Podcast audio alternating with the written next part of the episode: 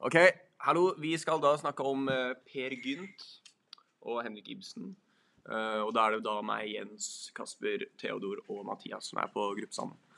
Altså William. Eh, Jens, du kan jo stille et spørsmål. da. Ja. Da første spørsmål. Hvem var Henrik Ibsen? Det kan jo jeg svare på, Jens. Um, For eh, Henrik Ibsen han var en eh, norsk forfatter og dramatiker. Han fikk sitt eh, store internasjonale gjennombrudd med skuespillet 'Et dukkehjem', som han ga ut i 1879. Og eh, han har siden vært en, eh, vært den sentrale norske forfatteren og et litterært verdensnavn. Han regnes som grunnleggeren av det moderne, realistiske dramaet.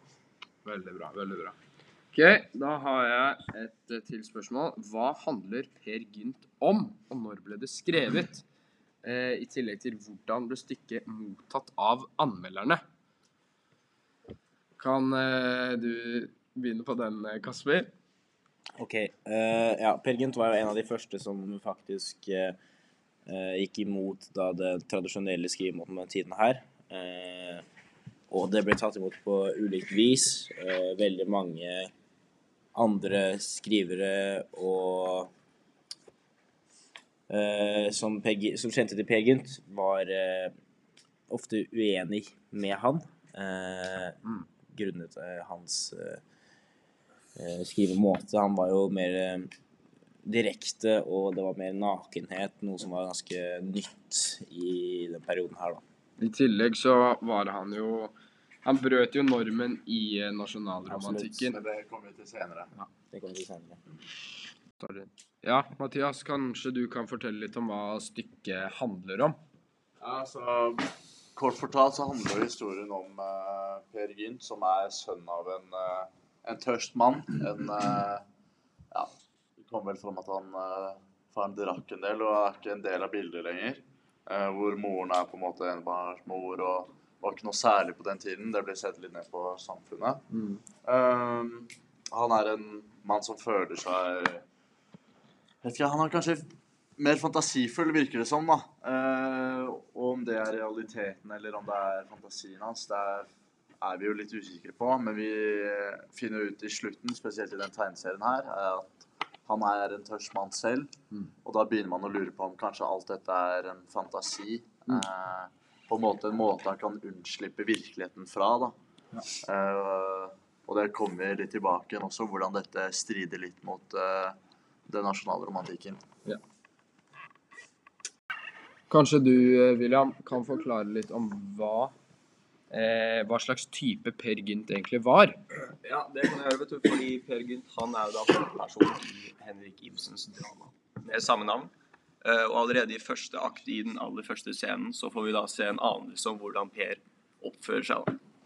Eh, og Gynt opptrer som en løgner i første akt, første scene. Så Men Gynt har også en svært god fortellerevne og kreativ fantasi. Eh, per har også problematiske forhold til kvinner. Så vi kan se at Per Gynt er svært grå på måten av at han f.eks. prøver seg på datteren til noen nyinnflyttede på bygda. Eh, og Mathias har jo vært litt innpå det, men det handler om at han er, eh, han er en løgner, og at han likevel har god fortellerevne og fantasi. da. Ok, Theodor, kanskje du kan svare på hvordan Per Gynt behandler moren sin, eh, og også kvinner generelt? Eh, ja, det kan jeg jo forsøke, Jens. Veldig bra. veldig Eh, etter min oppfatning så virker det som at eh, Per Gynt eh, generelt er eh, ufin og nedlatende overfor kvinner. Og vi kan jo Vi legger jo merke til eh, i starten av, eh, av denne tegneserien at uh, han eh, behandler moren sin veldig dårlig. Han var uh, respektløs uh, overfor henne, og både verbalt og fysisk. Mm. Han kastet henne jo oppå taket av et stabbur, var det ikke noe slikt da? Jo. Så bare stakk han av. Noe, det er jo litt rart å gjøre. Mm, det er jo sånn. ikke ned igjen eh, på egen hånd. eh, Gjorde vel, ikke ikke, gjorde vel ikke det? Var det noe mer, Jens? Nei, jeg syns det var godt oppsummert. Bra, bra. Da stiller jeg meg selv spørsmålet er det spor av nasjonalromantikk i teksten. Og det vil jeg absolutt si at det er. Diktet bygger jo på sagnstoff, folketro og eventyrmotiver. Eh, noe som er spesielt kjennetegnet i nasjonalromantikken. Det er fylt av hentydninger til personer og hendelser.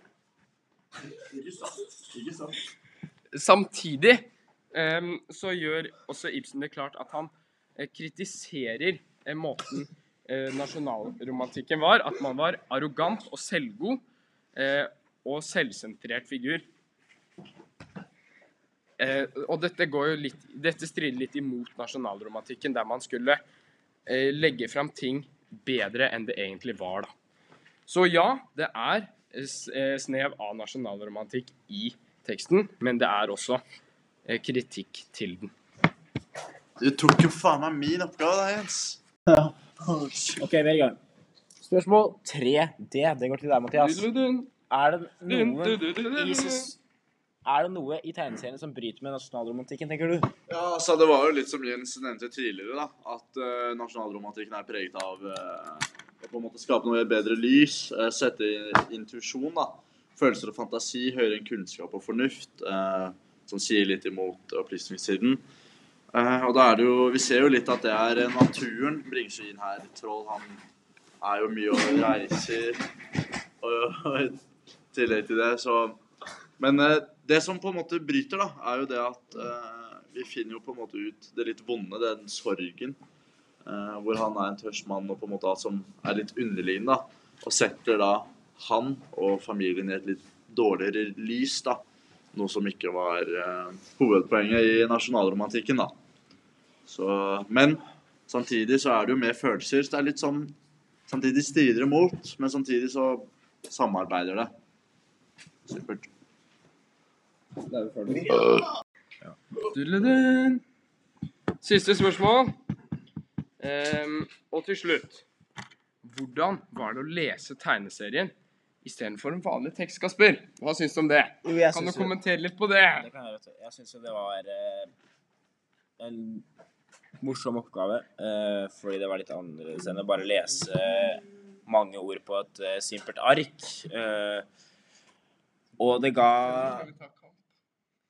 Det ga i større grad mer forståelse også, syns jeg. Selv om Per Gynt sin tegneserie var uh, litt vanskelig å lese. Det var uh, mange bilder, litt gammel, gammelnorsk, som uh, gjorde at man måtte tenke seg tenke litt selv, istedenfor å bare få det servert på et gullfat. Men jeg syns det var en morsom oppgave, og det var en bra historie, syns jeg. Per Gynt var en, det var en morsom historie å lese av Henrik Ibsen.